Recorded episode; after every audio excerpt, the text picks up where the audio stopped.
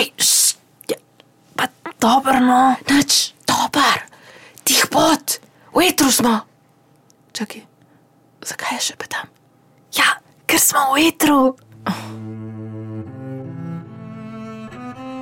Pozdravljeni, poslušate Radio Eter in z vami sem Nika Pušlar. Danes beremo Hermana Heseja. Avtor, ki sem ga prijela, ker me je pač zanimalo, kakšen je. Najprej sem se lotila njegove knjige Sidarta, da vidim, o čem se gre.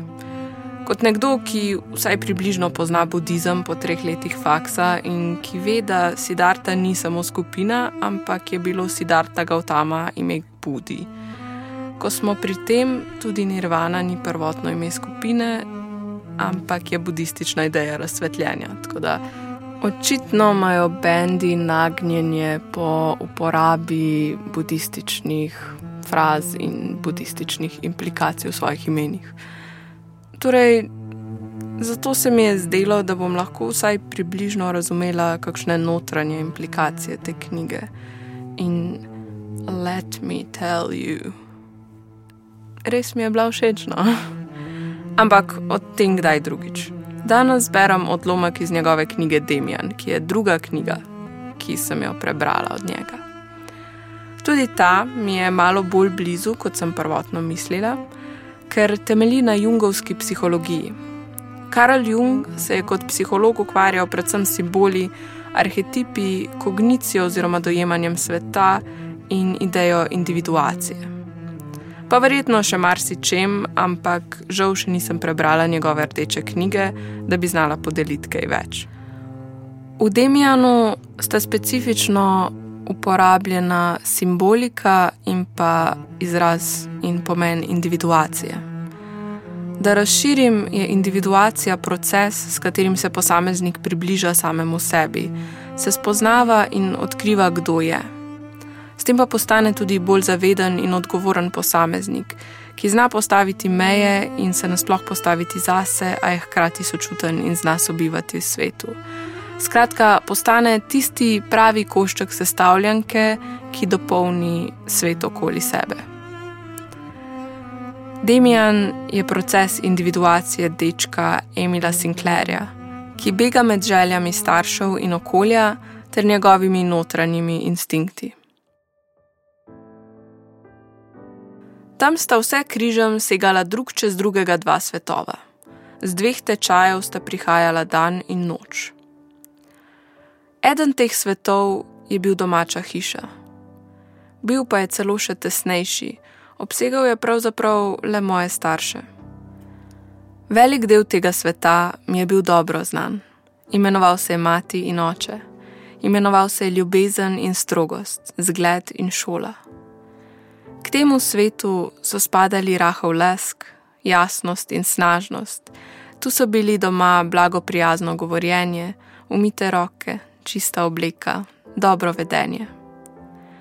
Tu smo v zboru peli jutranjo pesem, tu smo praznovali Božič.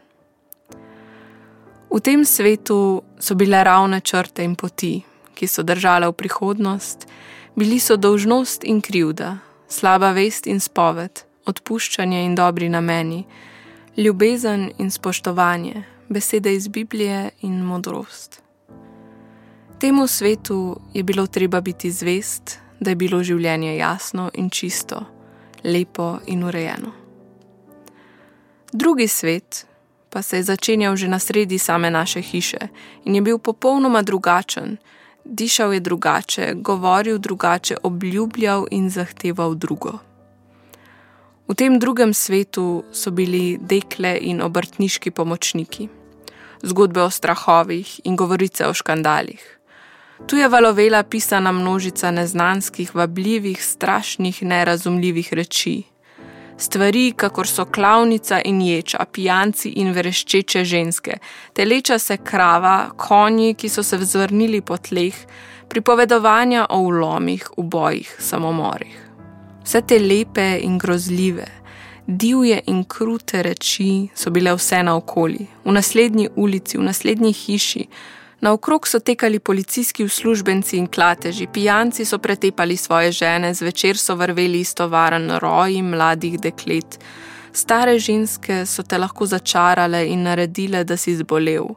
V gozdu so živeli razbojniki, žandari so spet in spet ulovili kakega požigalca.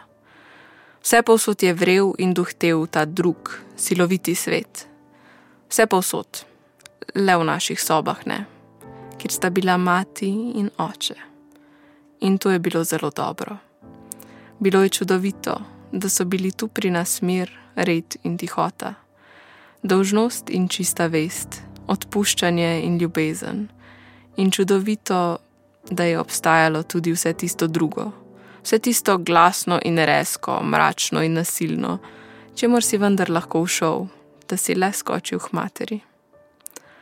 Najbolj čudno pa je bilo, kako sta oba svetova mejila drug na drugega, kako blizu skupaj sta si bila.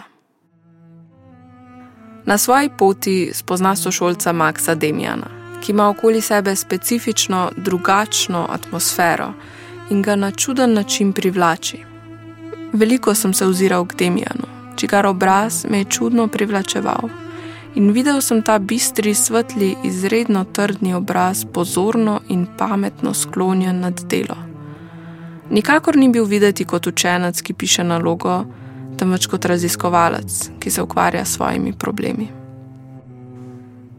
Demijan ga prvič sooči s subjektivnostjo sveta in tem, da si sam odgovoren za to, kako ga interpretiraš.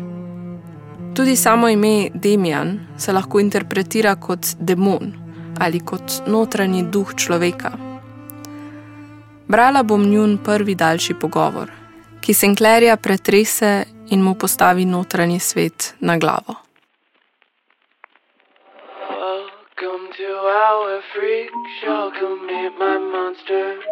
Oh, such a fine collection of stranger things. My patience running thinner on this melting clock. Cerebrum jail with thoughts most would consider odd. To think you're any different from an animal or creature sick as you should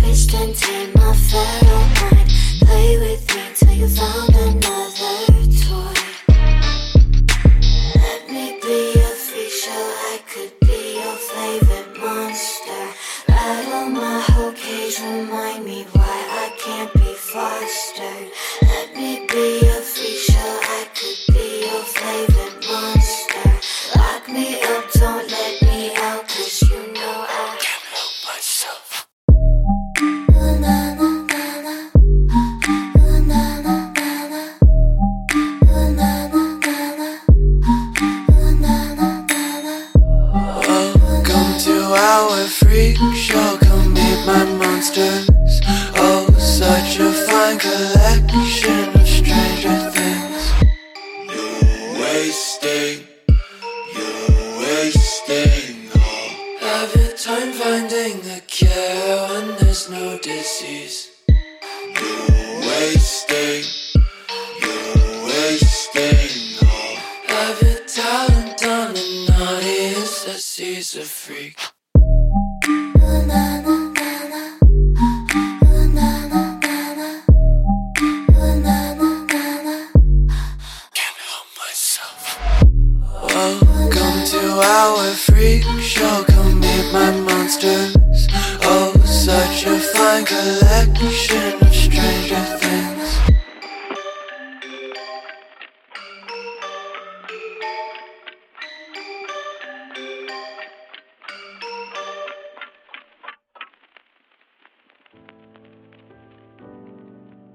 Greva kos poti skupaj? je prijazno vprašal. Dobro se mi je zdelo in prikimal sem. Potem sem mu opisal, kje stanujem. A, tam, je smehljaje se rekel. Tisto hišo že poznam. Nad vašimi hišnimi vrati je vzidana neka tako čudna reč, takoj se mi je zdela zanimiva. Nisem takoj vedel, kaj misli s tem, in bil sem začuden, da pozna našo hišo očitno bolje od mene. Res je obstajal kot sklepnik nad vhodnim obokom nekakšen grb, vendar se je s časoma sploščil in je bil večkrat prepleskan z barvo. Z nami in našo družino ni imel, kolikor je bilo meni znano, nobene zveze. O tem ne vem nič, sem boječe rekel. Neki ptič je ali nekaj podobnega, biti mora zelo staro. Hiša je menda nekoč prej spadala k samostanu. Prav mogoče, je pokimal. Enkrat si le dobro poglej. Takšne reči so večkrat prav zanimive. Mislim, da je skobac.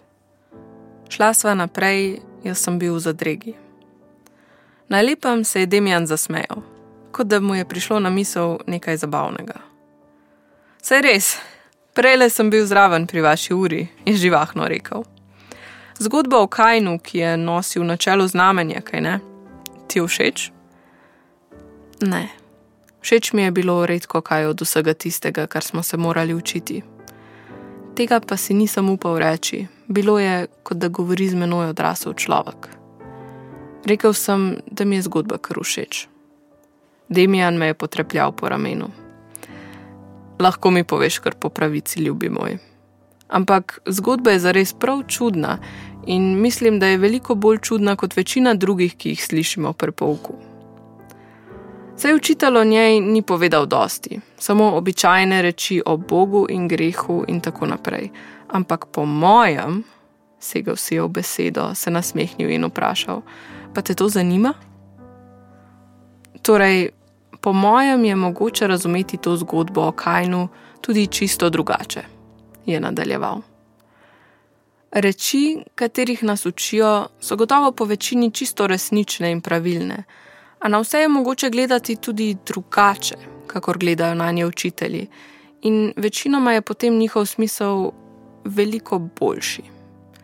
S tem kajnom, na primer, in z znamenjem na njegovem čelu, človek pač ne more biti prav zadovoljen, kakor nam ga razlagajo. Kaj ne misliš tudi ti tako? Da nekdo v prepiru ubije svojega brata, se pač gotovo lahko zgodi. In da se potem ustraši in zave svoje krivde, je tudi mogoče. Da ga pa za njegovo strahopetnost še posebej odlikujejo znakom, ki ga varuje in pri vseh drugih vzbuja strah, je vendarle prav nenavadno. Seveda, sem rekel z zanimanjem, stvar me je začela pritegovati. Ampak kako naj zgodbo razložimo drugače? Plosnil me je po ramenu. Čisto preprosto. Tisto, kar je že bilo in s čimer se je zgodba začela, je bilo znamenje. Živel je mož, ki je imel na obrazu nekaj, česar so se drugi bali. Niso se ga upali dotakniti, on in njegovi otroci so napravili na nje vtis. Mogoče ali gotovo pa na čelu v resnici ni bilo znamenje, tako kot kak poštni žig, tako na grobo se v življenju dogaja redko kaj. Dosti verjetneje je bilo nekaj komaj zaznavno zloveščega, malo več duha in poguma v pogledu, kakor so bili ljudje vajeni. Ta mož je imel moč, tega moža so se ljudje bali. Bil je zaznamovan. To so si lahko razlagali, kakor so si hoteli. In ljudje hočejo zmeraj tisto, kar jim gre zlahka in kar jim daje prav. Bali so se kaj novih otrok, ti otroci so bili zaznamovani. Torej, znamenja niso razlagali kot tisto, kar je bilo, kot odlikovanje, temveč kot nasprotje tega. Govorili so, čež da so fantje s tem znamenjem vznemirljivi in to so tudi bili. Ljudje s pogumom in značajem so za druge ljudi vedno zelo vznemirljivi. Da je po svetu tekal naokoli rod neustrašnih in vznemirljivih, je bilo zelo nadležno. In zdaj so obesili temu rodu neki vzdevek in neko zgodbico, da bi se mu maščevali, da bi se nekoliko odškodovali za vas prebiti strah. Razumeš?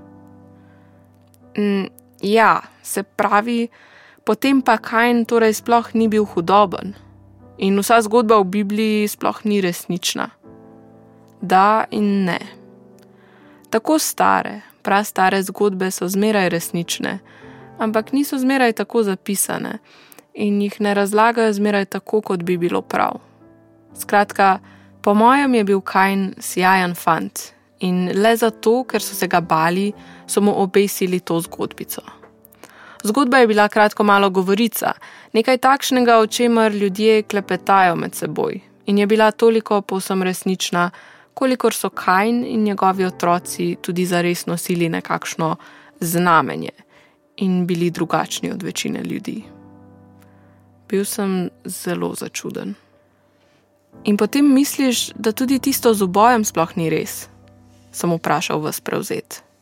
O pač, gotovo je tisto res močni je bil šibkega. Ali je bil to v resnici njegov brat, o tem seveda lahko dvomimo. To ni pomembno. Na vse zadnje so vsi ljudje bratje. Močni je torej pobil šibkega. Mogoče je bilo junaštvo, mogoče tudi ne. Vsekakor pa so bili drugi šibki ljudje zdaj vsi prestrašeni. Hudo so se pritoževali in če si jih vprašal, zakaj ga kratko malo tudi ne pobijete, ti na to niso rekli, ker smo bojazljivci, temveč so rekli, to ni mogoče. Znamenje ima. Bog ga je zaznamoval. Tako nekako je morala nastati ta sleparija. No, zadržujem te, pa z Bogom. Zavil je v staro ulico in me pustil samega, tako začudenega, kakor nisem bil še nikoli. Komaj je izginil, že se mi je zazdelo vse, kar je pravkar rekel, čisto neverjetno. Kajn plemenit človek, abel strahopetec, kajnovo znamenje, odlikovanje. Bilo je absurdno, bilo je bogokletno in brezbožno. Kje pa je bil potem ljubi Bog? Marta ni sprejel Abelove žrtve, Marta ni imel Abela rad? Ne, same neumnosti. In domneval sem le, da se je hotel Demjan ponorčevati z menoj in me speljati na led. Saj je bil tudi res presneto brihten fant in kako je znal govoriti, ampak takole ne. Vseeno pa nisem še nikoli toliko premišljal o kateri od biblijskih ali drugih zgodb. In že dolgo časa nisem še nikoli tako popolnoma, za cele ure, za cel večer pozabil na Franca Kromerja ki je bil človek, ki ga je buljal, by the way. Doma sem ponovno prebral zgodbo, kot je bila zapisana v Bibliji. Bila je kratka in jasna, in bilo je čisto noro v njej iskati kak poseben skrit pomen. Na vse zadnje bi se lahko vsak ubijalec razglašal za božjega ljubljenca. Ne, vse skupaj je bilo nesmiselno. Privlačno je bilo le, kako zna Demijan povedati takšne reči, tako zlahka in lepo, kot da je vse samo po sebi umevno, zraven pa še s temi očmi. Nekaj seveda pri meni samemu ni bilo v redu, bilo je celo v hudem neredu. Prej sem živel v svetlem in snažnem svetu. Sam sem bil nekakšen abel, zdaj pa sem tičal tako globoko v drugem, Tako zelo sem padel in se pogreznil, in vendar v bistvu nisem mogel tako zelo veliko za to. Kako pa je torej s tem? No, in vrh tega me je preblisnil neki spomin, da mi je za hip skoraj da vzelo sapo. Tistega zlega večera, ko se je začela moja sedanja beda, se je zgodilo tisto z mojim očetom, takrat sem za trenutek naenkrat kakor spregledal in prezirljivo zavrgal njega in njegov svetli svet in modrost. Da, takrat sem si domišljal jaz sam, ki sem bil kajn in sem nosil znamenje, da to znamenje ni sramota, da je odlikovanje in da stojim svojo hudobijo in svojo nesrečo više kot moj oče, više kot dobri in pobožni.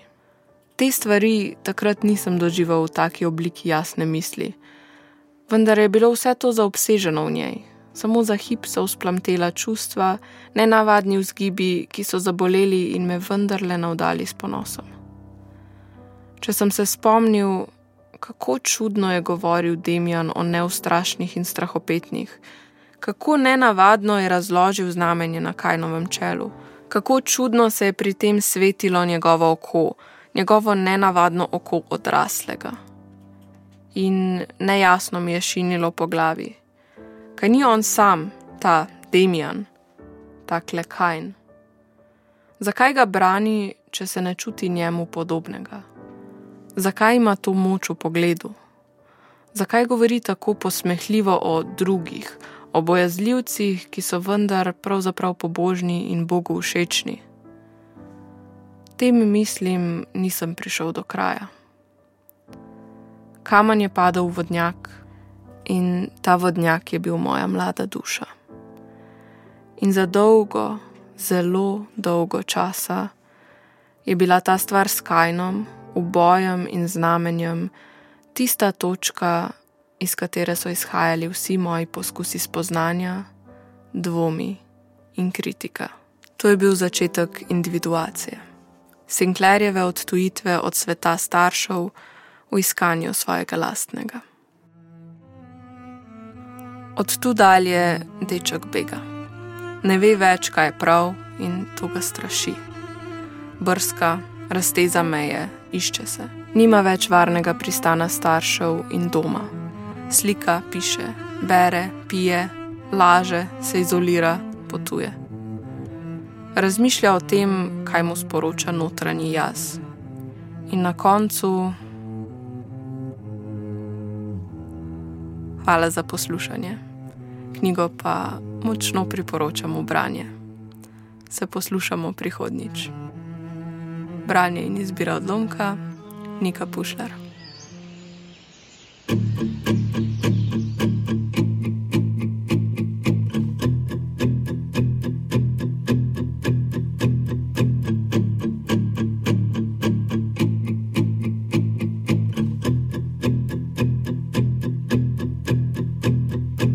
We're all falling and we need a place to hide.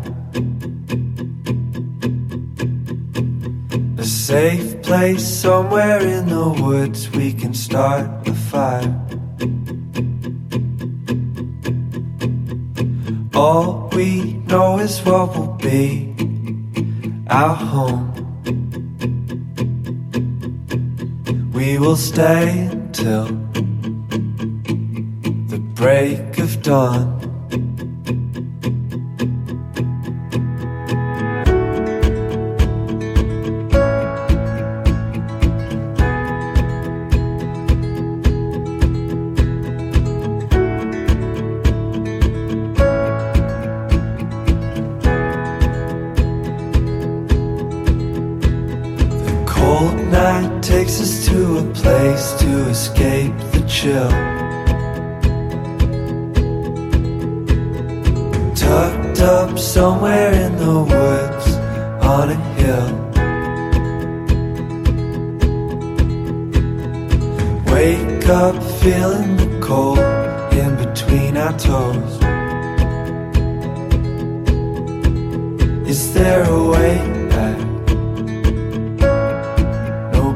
Knows.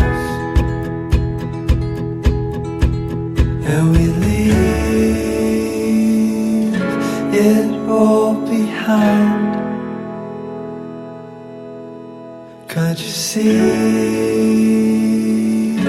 We need some time. And we all sit around the fire. We feel a little all sit around the fire.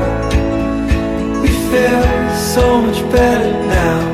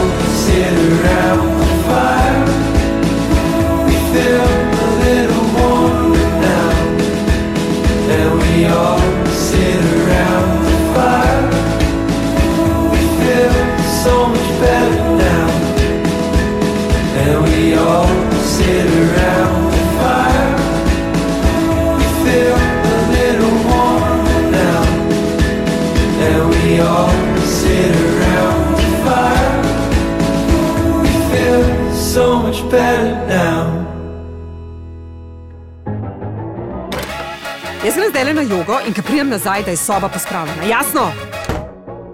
Pa, pa kaj se greš videti spet? Kaj, kaj se greva? Mislim, sobe nima pospravljene, pa še ta eter skos nabija.